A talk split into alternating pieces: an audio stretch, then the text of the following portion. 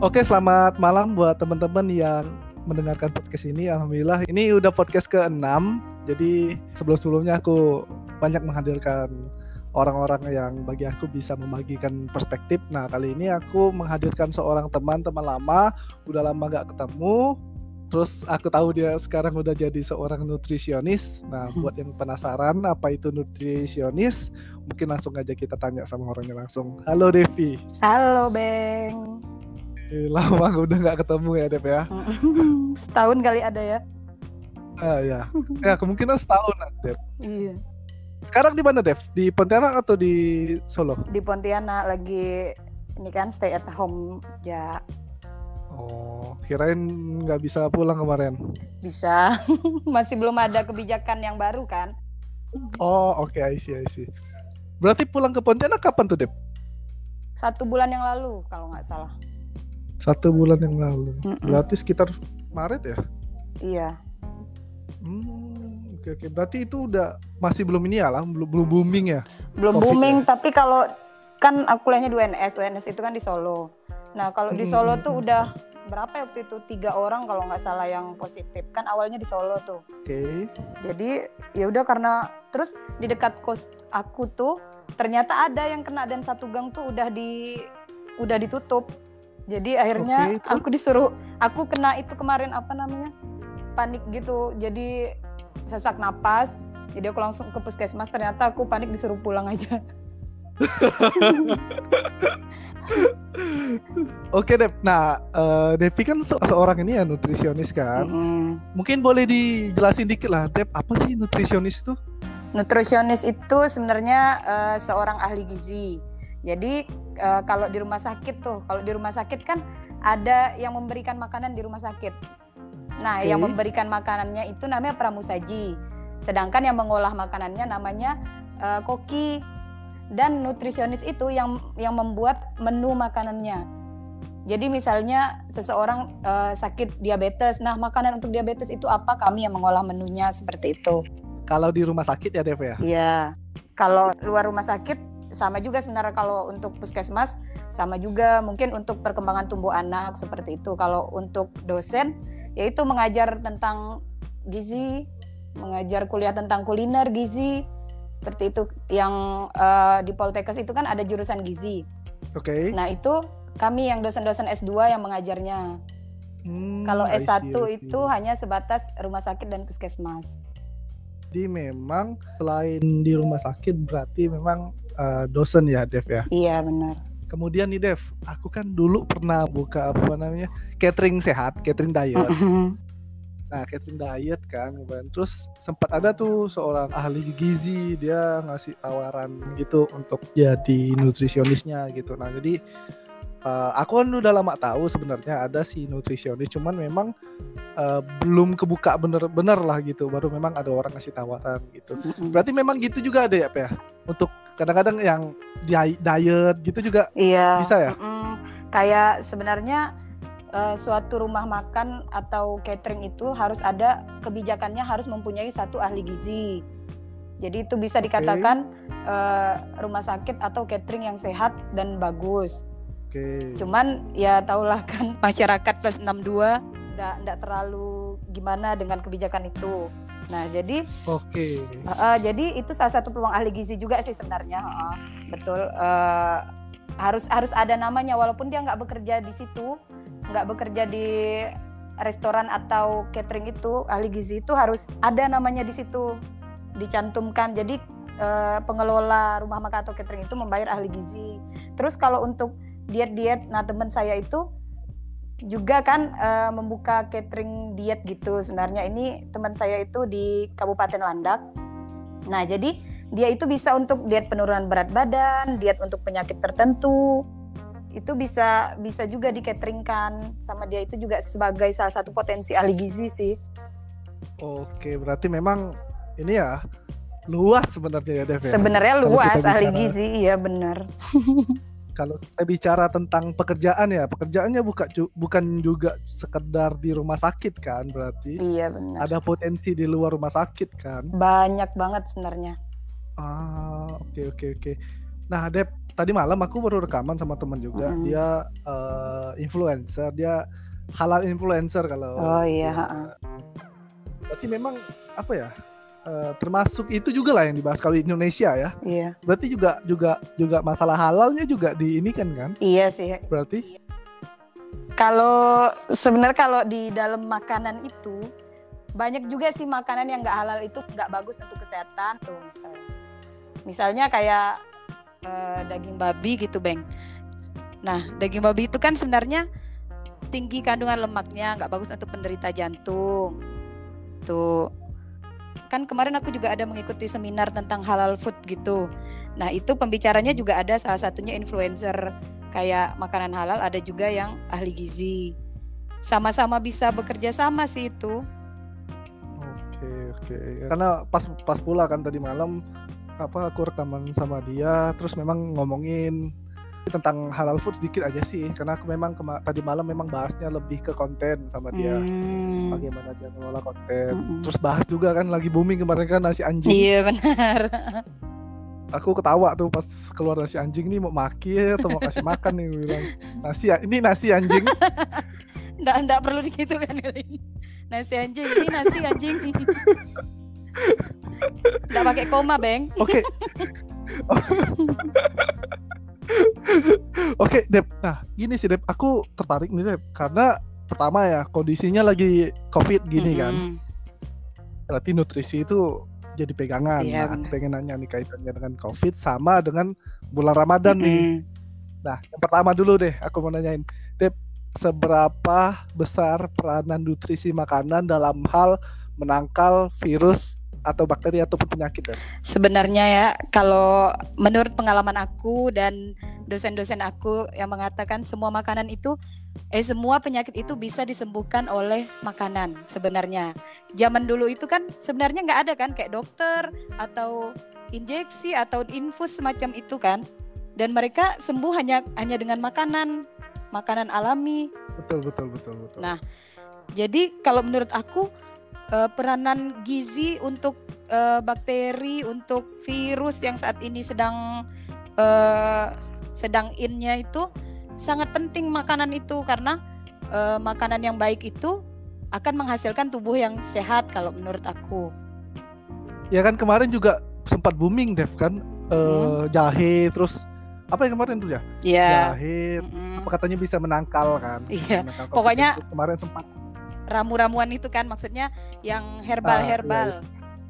betul betul betul. Yang herbal tuh emang sih karena di dalam herbal-herbal seperti jahe itu kan antioksidannya tinggi. Nah, antioksidan ini yang menangkal radikal-radikal bebas. Nah, radikal bebas itu seperti virus. Jadi ibaratnya virus itu seperti benda asing yang masuk ke dalam tubuh kita. Jadi di dalam tubuh itu sebenarnya ada kayak reseptor.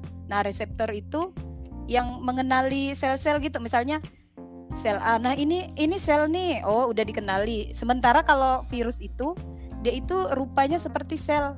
Jadi masuk ke tubuh, reseptor itu tidak mengenali kan? Jadi Oke. dikiranya, oh ini sel nih, biarin aja dia beredar dalam tubuh, santai-santai aja, nggak nggak membahayakan tubuh nih.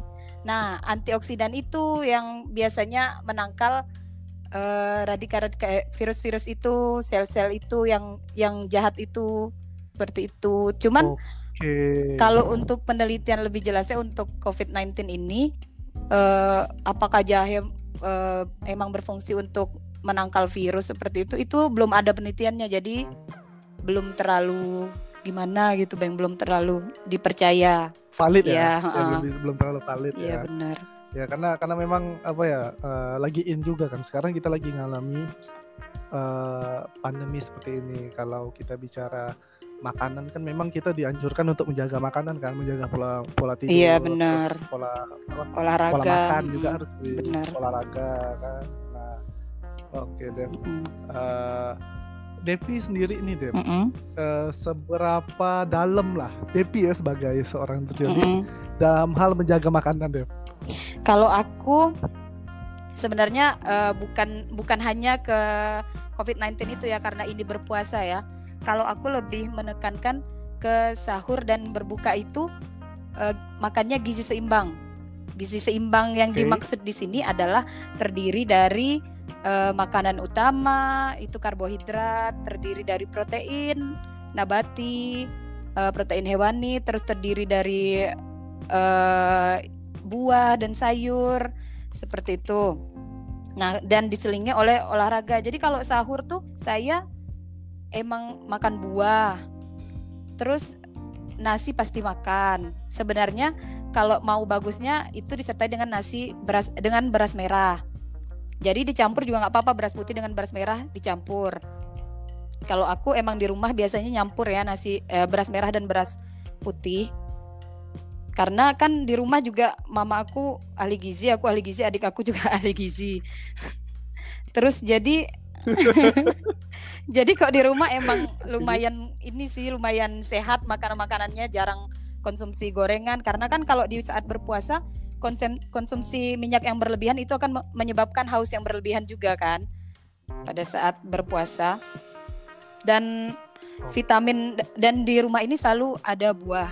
Entah itu sahur atau berbuka puasa. Karena vitamin dan mineral kan bagus untuk uh, kekebalan tubuh. Seperti yang kita tahu vitamin C juga lagi booming kan? Juga bagus untuk kekebalan tubuh.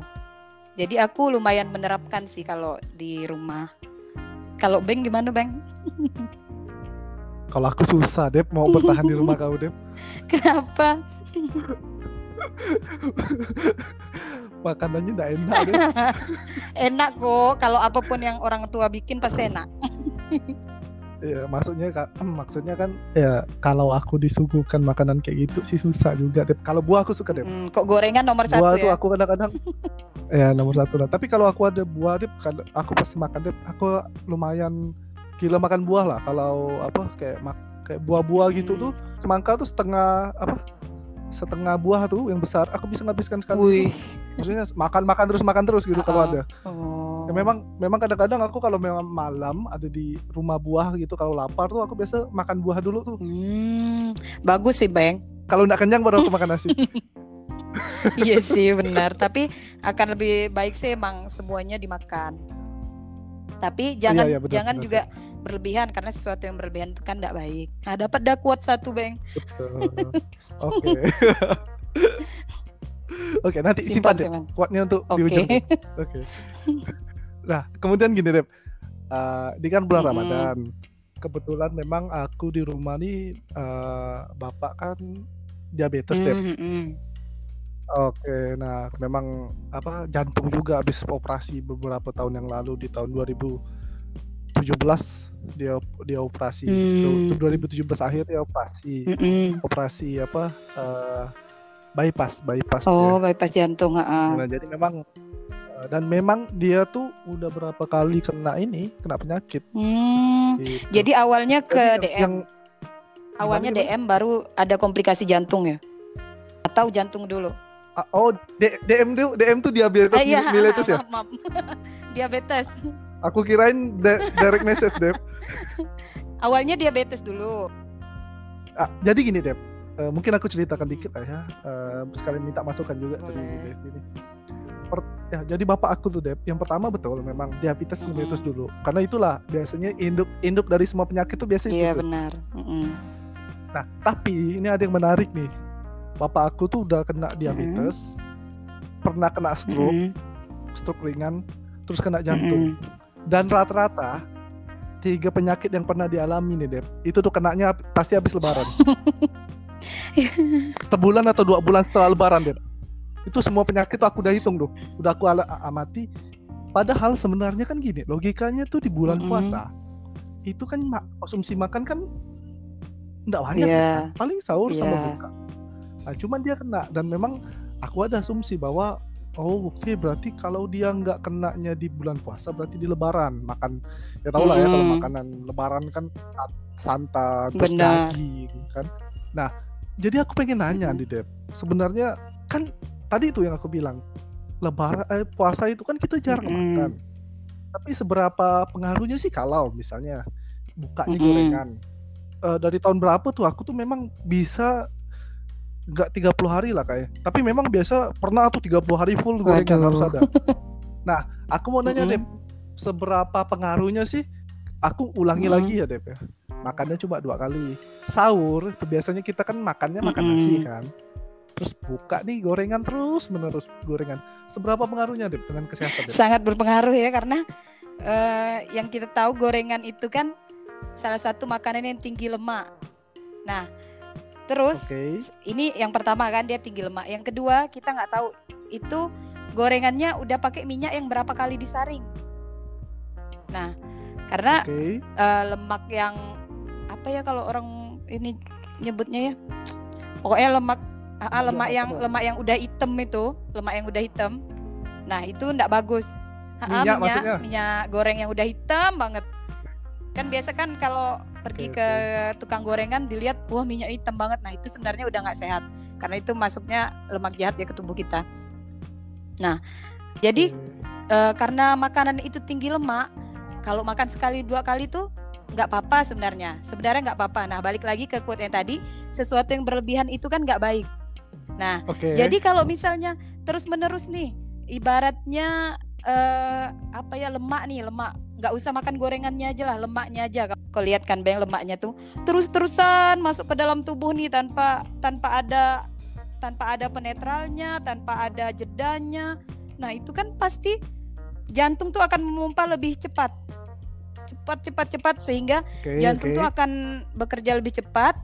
Nah, maka dari itu terjadilah eh, sakit jantung sehingga menyebabkan stroke. Terus lemaknya itu tidak bisa terserap dengan benar karena terlalu banyak, akhirnya menumpuk di peredaran darah sehingga menyu- menyumbat, menyumbat, menyumbat, numpuk. Akhirnya jadi stroke. Akhirnya jadi jantung. Jantung udah darah nggak bisa memompa ke jantung. Akhirnya nanti malah kegagalan jantung. Lebih baik sih boleh. Sebenarnya makan gorengan itu boleh. Baik sebenarnya nggak apa-apa aja asal jangan berlebihan boleh aja eh, seminggu sekali dua kali gitu beng terus untuk Oke, terkait oke. terkait eh, DM itu kan kalau misalnya Mm-mm. buka puasa sebenarnya eh, tanya dulu kalau bapak bapak kau beng kalau buka puasa tuh makan apa dulu? Apa minum apa dulu? Dia yang pertama minumnya air Hmm. hangat. Eh kalau ada gorengan itu di Nah itu dulu, jadi sebenarnya kiat-kiat untuk eh, berbuka puasa yang baik tuh eh, seperti saran Nabi kan minumlah air putih dulu, terus kurma. Oke Kenapa aku saranin oke air putih? Nah air putih itu kan eh, bagus ya dapat merehidrasi tubuh kita, karena kan ya, tubuh kita tuh kan tidak dapat apa-apa kan sama 12 jam berpuasa kan, betul betul betul rehidrasi dong kita. Jadi untuk merehidrasinya Dehidrasi. kita minum dulu air putih. Jangan langsung gula karena saat kita berpuasa itu kan gula darah kita udah turun tuh. Tiba-tiba Mm, kita betul, makan uh, minum sirup atau minum soda. Nah, itu tiba-tiba langsung naik tinggi gitu. Itu kan bahaya juga. Akan lebih baik minum air putih dulu, terus makan kurma. Kurma itu gulanya gula yang baik, gula buah dan ada kandungan Oke. kandungan gulanya tuh alami. Terus dia sumber serat. Jadi dia memulihkan energi kita melalui gula darah itu pelan-pelan, pelan-pelan. Nah, setelah itu kalau bisa makanlah cemilan takjil apa. Sholat maghrib dulu, habis itu barulah setelah pokoknya setengah jam sampai satu setengah jam itu baru makan makanan berat. sebenarnya kita harus jaga juga ya karena leba karena puasa ya Mm-mm, Dep, ya. bener. aku dulu paling sering aku dulu paling sering deh kalau udah buka puasa tuh udah balas dendam deh sampai aku nggak bisa gerak lagi makan tuh jadi posisi mau bergerak kan benar. perut, perut bergerak dikit tuh kayak ada yang nyucuk dah udah. Aku dulu juga gitu, Bang, tapi semenjak tahu tentang nutrisi, tentang gizi kan kita jadi tahu, oh ternyata gini, oh ternyata gini kayak gitu. Oh iyalah Dep, kau kalau kau nggak jaga makan nanti kau kayak kau kayak kau kayak dokter tapi masih hidup nggak sehat Nah, itu kan gawat tuh Iya kan? benar sih. Terus kalau misalnya tadi nyangkut lebaran tuh kan. Lebaran Oke. ya kan sebenarnya sama ini kita misalnya nggak pernah minum soda. Terus makan tuh kan sebenarnya bagusnya tuh dari kebiasaan juga kan. Terus tiba-tiba kita makan soda, soda tuh kan gulanya cobalah lihat di eh, nutrition fact-nya yang di belakang itu yang kayak komposisi kayak gitunya kan. Nah, itu tuh gulanya seberapa banyak? Itu banyak sekali. Jadi kalau bisa soda tuh juga boleh minum tapi mungkin sekali aja seminggu atau dua kali terus itu kan menyebabkan DM juga gula darahnya tinggi terus belum konsumsi santan dan lain-lain itu ha kalau bisa uh, kayak Bapak Beng kan udah ada udah ada riwayat kayak gitu sebelumnya. Ya udah konsumsinya yang sewajarnya boleh tapi sedikit ya. Oke deh kalau sedikit ini kan susah hmm. kira-kira deh kalau pakai jumlah deh deh uh, atau atau uh, bukan jumlah jumlah hmm. barangnya ya mungkin rutinnya lah jumlah rutinnya tuh. Mungkin kalau Depi bisa kasih saran aku untuk bapak hmm. nih ya dan untuk aku sendiri lah. Hmm kalau gorengan itu maksimal berapa kali lah seminggu? Maksimal tuh 2 sampai 3 potong. Ah, 2 2 sampai 3 potong deh. itu makan ke seminggu kalau bisa 1 sampai 2 kali. Oke, okay, satu dua kali dalam seminggu. 2 sampai 3 potong. Uh, jumlahnya 2 sampai 3 hmm. potong. Aduh, aku pusing Itu kalau gorengan. Okay. Kalau buah banyak-banyak juga enggak apa-apa. Tapi enggak boleh berlebihan. Iya, enggak boleh berlebihan juga karena bisa jadi racun juga di tubuh kita kalau semakin berlebihan. Betul mm-hmm. betul Dep. Nah kemudian nih Dep, uh, tadi kan bicaranya kan oke okay, berarti seminggunya dua dua kali, terus maksimal dua tiga mm-hmm. potong kan? Itu untuk gorengannya mm-hmm. nih Dep. Kemudian nih untuk minumannya, aku di rumah tuh kalau buka puasa tuh tetap ada uh, kalau nggak cincau air tahu. Nah kebetulan aku memang agak kurang suka mm-hmm. manis. Jadi aku kalau minum tuh memang apa uh, manis-manis jambu lah kalau kita orang Melayu bilang manis-manis jambu. Iya. Yeah. Terus uh, aku tuh memang dengan manis memang agak kurang sampai aku pernah seharian tuh mungkin agar aku tidak ada mengonsumsi gula selain dari nasi ya karena memang aku tidak nggak suka manis gitu karena kalau kemanisan tuh pala hmm. sebenarnya kalau minuman atau apa juga berpengaruh sih Bing terus Beng kebiasaan udah udah banyak udah konsumsi yang rendah gula jadi pas udah tinggi gula langsung pusing oh berarti karena karena rutinitas mm -hmm. ya karena aku jarang mengkonsumsi gula sekalinya kena gula yang kadarnya tinggi yeah. aku pusing gitu tapi ya. sebenarnya sebaiknya periksa gula darah dulu kalau emang dua tiga kali periksa ternyata gula darahnya emang segitu nah berarti emang segitu berarti emang udah kalau lebih tinggi dari ini berarti bisa dikatakan uh, bisa jadi pusing ataupun kayak sebenarnya kan tinggi gula itu juga bisa menyebabkan lemas, mual, pusing. Seperti itu rendah gula juga lemas, mual, pusing juga. Jadi yang bagus tuh ya yang sedang-sedang aja. Oke oke oke Dev. Ah oke. Nah kalau untuk minuman sendiri tuh Dev, uh, faktor pengaruhnya besar enggak sih? Kalau misalnya kayak minuman aku ya, kayak minuman aku gitu kayak tahu terus uh, cincau terus kalau gulanya juga gulanya sedikit Enggak apa-apa sih Beng sebenarnya. Kalau gulanya sedikit setiap hari juga enggak apa-apa. Asal di awalnya itu jangan langsung minum cincau itu. Minum dulu air putih segelas. Lah ya, anjurannya kan uh, konsumsi itu kan 8 gelas per hari kan. Kalau bisa konsumsi air putih yeah, itu yeah. pas uh, dua gelas pas buka gelas eh 4 gelas pas makan malam sama dua gelas pas sahur. Nah, itu bisa total 2 liter. Aku aku langsung buka tumblernya minum. Iya bagus sih. Karena pertama faktor ya. Yang pertama deh, aku tuh dari dulu jarang minum. Nah, itu enggak boleh sebenarnya. Aku juga gitu sih, Beng. ya, karena kau udah udah udah dapat pemahaman kan. Mungkin kau udah sering ngelihat orang sakit gara-gara makanan mungkin kau uh, uh terus aku jadi lumayan banyak minum uh, akhir ini lah. Karena yang pertama uh, gara ada tumbler. Tumbler nih kan dia jaga yeah, air bener. dingin kan. Jadi aku tuh standby. Misalnya aku di kamar tuh aku aku minum memang air dingin terus tiap jarang aku minum air air apa air biasa air suhu hmm. ruangan tuh jarang lah. Kalau air dingin tidak ada baru aku ngambil air suhu ruangan. Jadi aku masukkan air dingin dalam tumbler. Kebetulan tumblernya bisa jaga suhu aku letak di kamar jadi aku intens intensitas hmm. minumnya lumayan tinggi. Tapi aku nggak tahu sih berapa gelas aku sehari. Iya kalau bisa sih ya itu kalau bisa 2 liter 8 gelas sehari.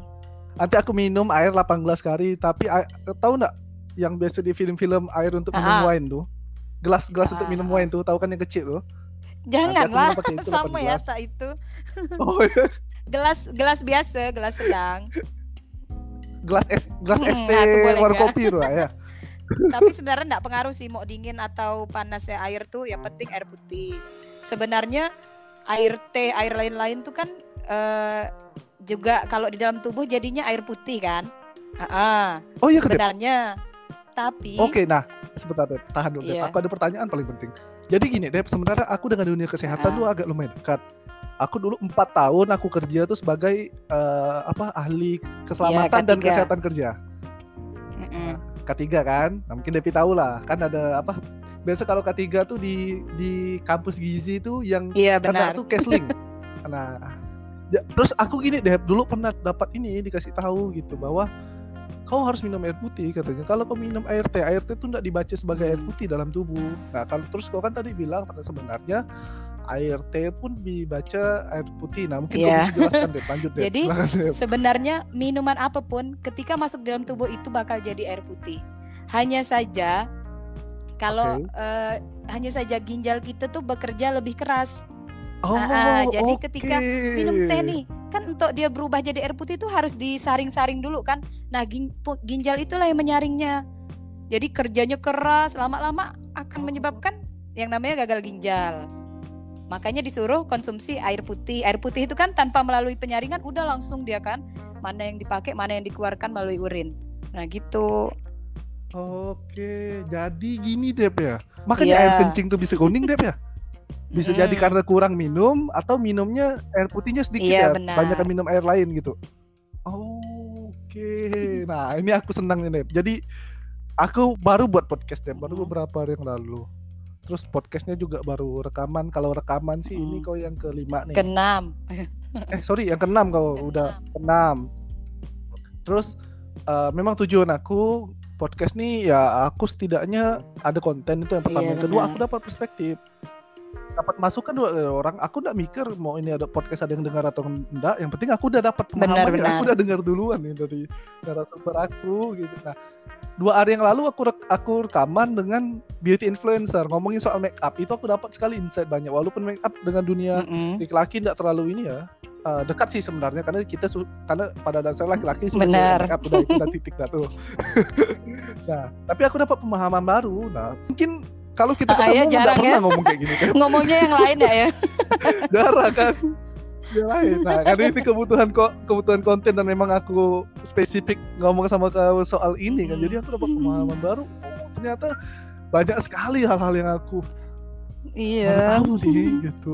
Dan Kayak Ya, berbagi pengetahuan lah sih, Dep. ya. Ya betul betul Dep. Jadi setidaknya aku sedikit bisa tahu lah bisa jaga Benar. makan gitu. Eh, kemudian nih Dep untuk aku mau nanya soal aku pribadi dulu lah. Aku kan Mm. gila Indomie nih Mm. Dep. Gila aku Indomie Dep. Aku tuh saking gilanya tuh sampai aku kasih batasan sama diri gitu. Pokoknya aku makan Indomie Mm-mm. seminggu sekali. Dah titik dah tuh. Itu bisa lah bertahan selama beberapa lama. Cuman karena corona nih, covid nih. Jadi apa ya? eh, nggak gara-gara covid juga. Ya aku sempat aku kan Mm-mm. sempat nggak tinggal di rumah lagi Dep. Udah tiga bulanan tinggal di Oh, rumah. Aku tinggal di kantor terus? kan. Eh, karena covid aku juga nggak ada pemasukan kan Instan. jadi mulailah makanan eh, makanan uh, Mm-mm. instan mie instan lah paling aku sering gitu nah aku mau nanya nih Dep karena gini Dep aku juga punya apa, Mm-mm. eh, cewek aku tuh dia sempat cerita dia tuh pernah kalau kalau sahur tuh pak harus ada indomie Aduh. katanya, untuk naikkan liur katanya terus aku juga nih kan Mm-mm. suka indomie gitu kan besok aku sahur requestnya indomie sama mama aku Dep. Terus Nah, aku mau nanya Dep. Maksimal kalau berapa kali? Maksimalnya tuh sebenarnya nggak ada ya Bang ya. Karena eh, sebenarnya makanan instan tuh eh, atau makanan siap saji gini nih, siap pakai gini, sebenarnya nggak apa-apa dikonsumsi, tapi hanya saat-saat mendesak. Nah, eh, Oke. jangan tentunya jangan jangan sampai setiap sahur makannya mie atau buka puasa kita konsumsinya makan mie instan. Nah, jadi kalau dalam dalam gizi itu eh, mie instan itu kan keras dan bisa lama yang dinamakan instan itu kan pasti adanya bahan pengawet kan karena untuk diawet karena eh, Oke. untuk lama itu kan nah jadi mie instan itu selain ada pengawet juga udah diproses. Gitu prosesnya sedemikian rupa tuh lama sekali. Jadi zat-zat gizi yang di dalam mie tadi itu sebenarnya itu kan dari tepung. Tepung itu kan juga banyak zat gizinya kan kalau kita pakai logika. Betul. karena udah lama gitu Oke. prosesnya banyak sehingga dia jadi kering ditambah pengawet. Jadi zat gizi di dalam mie itu cuman ada tiga sekitar 30 persenan dibanding makanan segar-segar lainnya. Okay. Terus kalau misalnya uh, pernah kan dengar kalau banyak uh, makan mie kena usus buntu, kayak gitu kan? Ada kan? Uh, uh, sebenarnya yang bikin uh. usus buntu itu bukan mie-nya, sebenarnya pengawetnya. Nah, mie itu hmm. bagus juga sebenarnya kan dari tepung. Kalau logika kita itu kan dari tepung, kenapa berbahaya? Kenapa ini? Padahal itu tepung yang udah diolah bener-bener diolah sampai zat gizinya udah hilang itu cuman apa ya kayak kayak apa ya kayak kerupuk gitu. Nah cuman kayak kerupuk. Cuman memberikan rasa kenyang dan rasa kenyangnya pun ndak seberapa kan. Cuman paling setengah jam udah hilang besoknya. Pas paginya udah lapar lagi kita. Mie itu kan bikin kita laparnya lebih cepat Nggak deh aduh. Aku makan mie pakai nasi deh mie itu karbohidrat ya tambah karbohidrat lagi ya. Iya. nah terus jadi balik lagi ke tadi sesuatu yang berlebihan tidak baik. Sebenarnya tidak apa-apa makan mie itu tidak apa-apa tidak masalah sebenarnya. Asal jangan jangan terlalu sering.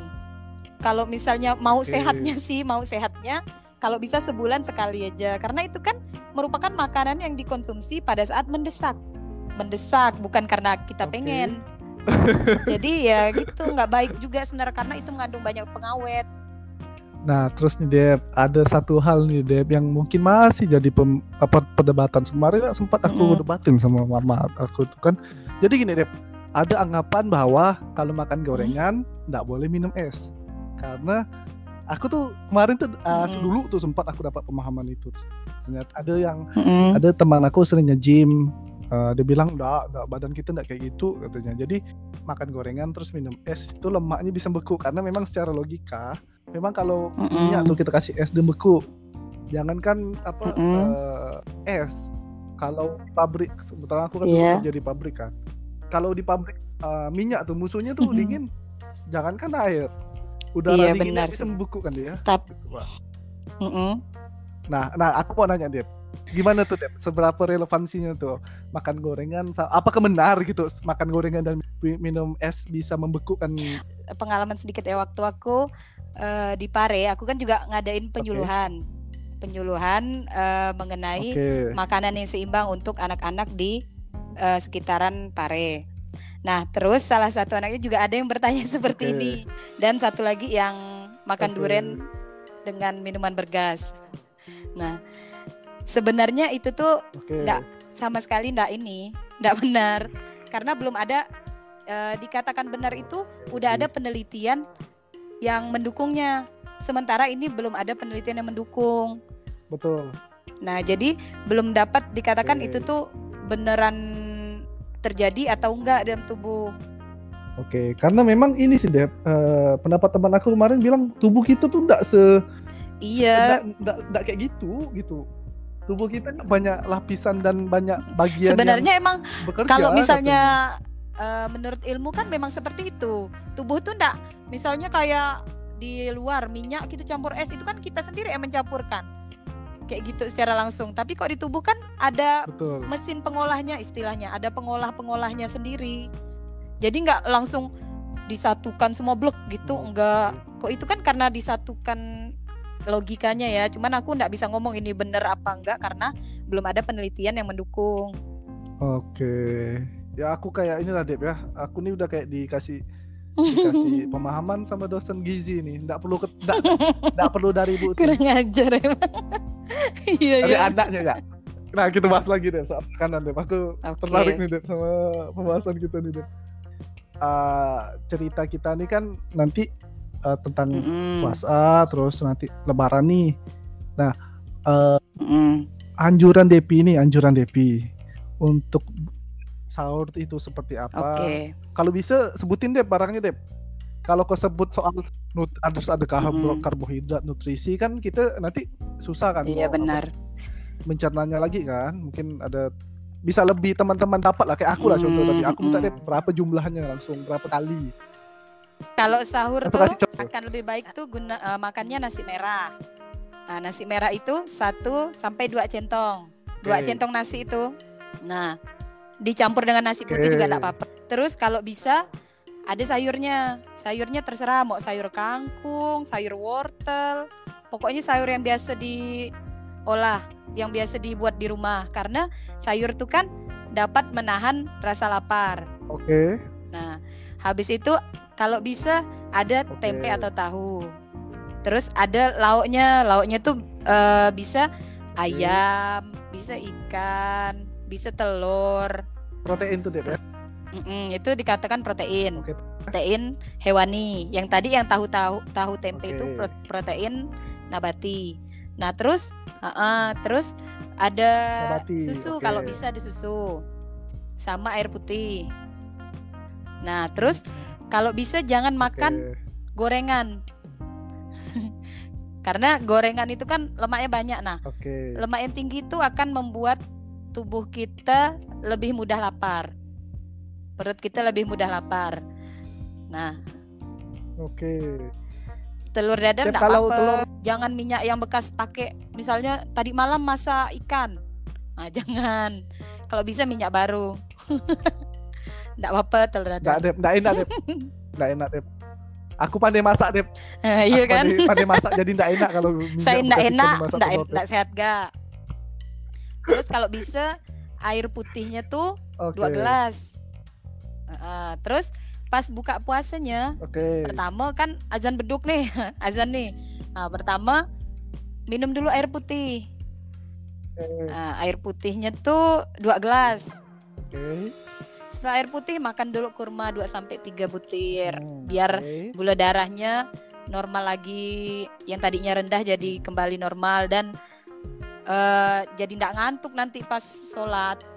Terus abis itu sholat dulu, berikutnya barulah makan uh, sekitar setengah jam atau satu setengah jam barulah makan makanan berat. Sama seperti itu tadi sahurnya terdiri dari semua itu. Tapi terserah mau diganti atau enggak sayurnya apa diganti entah paginya eh sah sahurnya ini sahurnya ayam mungkin buka puasanya bisa ikan kayak gitu Oke, berarti dari penjelasan Devi nih tadi kan, berarti memang anjurannya hmm, pas buka puasa tuh air sama kurma. Sholat lah dulu, uh, satu sampai satu setengah jam ya, dulu, biarkan itu. tubuh tuh adaptasi menaikkan gula darahnya dulu sendiri mau minum sirup oh, atau apa enggak apa-apa asal okay. uh, eh, setelah air putih itu hmm, jadi enggak, air putih dulu yang penting sama okay. kurma baru mau sirup atau cincau kayak tadi Beng kan biasa enggak apa-apa Hmm, oke. Okay. Kalau selama ini nih Dep, aku memang seringnya tuh langsung hmm. di situ gitu. Habis hmm. minum air putih, langsung makan kalau ada gorengan aku hantam gorengan waduh aku masak mie aku makan mie oke Dep nah mm. kemudian nih Dep uh, tadi kan kita ngomong puasa tuh mm. Karena kita ngomongin soal lebaran Dep nah kita tuh kan karena udah berpuasa kan sebagai umat muslim tuh patutlah merayakan lebaran dengan makanan-makanan enak, makanan-makanan tidak peduli sehat atau endaknya. Sebenarnya tuh kalau kita dalam keadaan tubuh sehat, uh, sehat itu dikatakan tidak ada penyakit apa pun ya kayak itu misalnya DM, hipertensi atau gitu kan. Kita sebenarnya boleh konsumsi kayak daging itu uh, apa namanya minuman kaleng, boleh semua asal cuma satu hari itu, nggak apa-apa sebenarnya. Ya di satu hari Oke. itu aja. Hari Tapi itu, hari boleh itu juga ya? berlebihan kan kayak tadi yang dibilang, sesuatu yang berlebihan nggak baik. Pokoknya boleh aja karena kita kan boleh juga karena kita merayakan juga kan yang namanya merayakan kemenangan kita setelah berpuasa 30 hari. Tapi kalau misalnya ada penyakit okay. penyerta akan lebih baik kan uh, lebih baiknya tidak dikonsumsi. Lebih baiknya tidak konsumsi daging, tidak konsumsi soda-soda. Kan kalau yang namanya kita pasti ada daging kan kalau lebaran pasti ada minuman kaleng kan? Nah, kue-kue keringnya juga mentega Pasti. semua kan? Pasti itu. Akan lebih baik nah ndak usah, boleh sedikit aja sedikit. Okay. Kayak yang tadi aku udah bilang kalau bisa sodanya nggak usah, tapi dagingnya mungkin satu sendok sayur aja. Dah itu aja, ndak usah sampai pagi siang malam satu sendok sayur satu sendok ndak usah satu sendok sayur itu udah satu pagi sampai malam. Sendok sayur di rumah aku besar, Dem. Nggak ada yang kecil.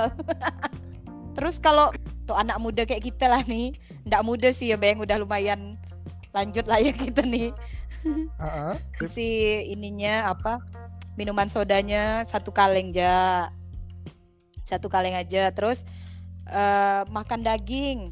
Oke. Makan daging itu seininya aja, se sekitanya aja. Oke. Jangan kita tuh sampai Wih enak nih enak nih terus-terusan ngambil sampai kita pusing.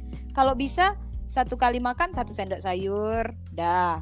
Nanti siang lagi satu sendok sayur, nanti malam lagi satu sendok sayur, udah Oke. dibarengi dan ketupat. Dah satu hari itu aja. Berikutnya udah nggak usah makan itu lagi. Makanan kembali ke makanan seimbang tadi. Jadi dibuang lah tadi. Janganlah sumbangkan kan bisa. Bisa Sumbangkan ke rumah aku ya. Mantap kau ngasih anjuran. Kau yang Keren aku ya, nggak nyangka aku. Memang si Beng nih. Kalau kalau lebaran kan kita nggak lepas dari santan tuh. Nah, eh, kemudian aku udah dapat pemahaman juga bahwa sebenarnya Mm. santan itu yang buat berbahaya kalau Benar. dipanaskan ulang. Sebenarnya Dep? dipanaskan ulang pun emang santan tuh kalau konsumsinya banyak berbahaya, apalagi dipanaskan ulang. Jika dipanaskan ulang, dia akan berubah menjadi toksik. Kalau sayur dipanaskan ulang dia jadi dia buka Instagram langsung nge hate speech gitu ya. Ah, benar Terus gitu. sering apa share share share share toksik, yang hal yang nggak benar ya. jadi toksik kan soalnya ya. Sir-sir yang benar. sayur apa pun tuh deh. Iya, Oke, ma- oke. enggak, sayur hijau. Oke. Oh jadi bisa. Khusus sayur hijau. Oke Dev. Nah eh, tadi kan Devi udah jelasin banyak soal gizi dan lain-lain nih Dev. Kemudian nih Dev ada nggak nih sih eh, pesan Devi buat teman-teman kita? Eh, penyakit tuh bisa disembuhkan oleh makanan. Jadi kalau misalnya kita nggak mau terkena penyakit, nah kita tuh harus eh, mengatur pola makan kita dari sejak muda ini. Jangan kita konsumsi banyak gorengan. Kita lihat kita makan untuk kita ke depannya, bukan untuk hari ini aja. Jadi kita lihat eh, makanan kita sekarang eh, udah bergizi atau belum. Itu kan sebagai salah satu investasi juga untuk masa tua kita. Bukan hanya sekarang aja. Nah, jadi untuk anak muda anak muda sekarang akan lebih baik betul, jika betul. eh, menerapkan pola Betul, hidup betul, betul. Eh, juga kebersihannya juga dijaga, apalagi menyangkut dengan virus yang belakangan ini sedang in yaitu COVID-19. Akan lebih baik banyak konsumsi buah yang di mana kita tahu kalau anak muda zaman sekarang nih paling males banget makan yang namanya buah. Buah sayur itu paling males banget. Padahal itu buah dan sayur tuh merupakan sumber vitamin dan mineral yang bagus untuk kekebalan tubuh kita daripada konsumsi suplemen-suplemen bagus yang alami. Karena suplemen kan juga ada mungkin ada efek buruknya. Sedangkan kalau buah kan belum tentu ada efek buruknya. Seperti itu. Terus kalau anak muda sekarang gimana ya? Agak susah dibilangin ya bang ya? Jadi mungkin gimana ya? Mungkin Ya. dari dari orang tuanya bisa menyarankan eh, untuk makanan. Karena anaknya sekarang udah nggak bisa jajan di luar mungkin dibuatkan makanan yang benar-benar sehat ya anak muda ya konsumsi aja makanan yang dibuatkan ibu karena yang makanan yang dibuatkan ibu kan lebih enak daripada makanan di luar Mm-mm. ya itu sih makanan dijaga karena itu investasi kita Oke, untuk di betul, masa betul, tua kita nanti Mm-mm. Oke, nah aku tertarik dengan bahasa Depi investasi. Mungkin betul Dep kalau Mm-mm. kita bicara tentang apa eh, gizi itu memang anak muda susah Dep. Mm-mm. Tapi kalau Depi bicara tentang investasi masa depan di umur-umur kita nih Dep. Jadi mungkin bisa lebih Iya, dikasih benar. pemahaman bahwa ini adalah investasi. Oke Dep, ya mungkin kita Oke. udah di akhir pembicaraan nih Dep. Banyak sebenarnya Dep yang aku ingin tanyakan. Mungkin nanti Mm-mm. kita bisa sharing-sharing lagi Dep lebih dalam. Mungkin nanti kita spesifik aja bahas. Benar. Kita bahas masih umum nih. Aku senang banget Dep karena ini kasih kasih warna yang baru Dep untuk aku sendiri karena memang omongan ke- soal kesehatan aku jarang dapet karena ya memang pertama Mm-mm. kita mungkin Devi Iya, jarang banget. jarang ngomong kayak gini kan aku juga memang jarang jarang karena memang ada hal yang seperti ini konten khusus makanya ini aku alhamdulillah aku punya podcast dan aku udah ngundang Mm-mm. Devi ini sebuah keberuntungan buat aku karena pada dasarnya aku juga teman Devi udah lama kita kenal Dev tapi belum pernah kita ngomongin hal-hal seperti ini mungkin teman-teman yang lain juga punya teman tapi jarang ngobrolin mungkin podcast ini bisa memberikan teman-teman inspirasi informasi supaya memang teman-teman bisa iya benar kesehatan lagi.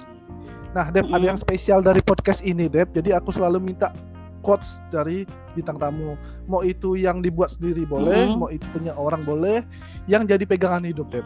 Yang ketrigger dan jadi pegangan Kalau aku ya pegangan hidup Ada aku gak, semenjak aku uh, dari D3 sampai sekarang, yaitu sesuatu yang berlebihan itu nggak baik. Jadi makanan atau ilmu atau apa jika berlebihan itu nggak baik sebenarnya.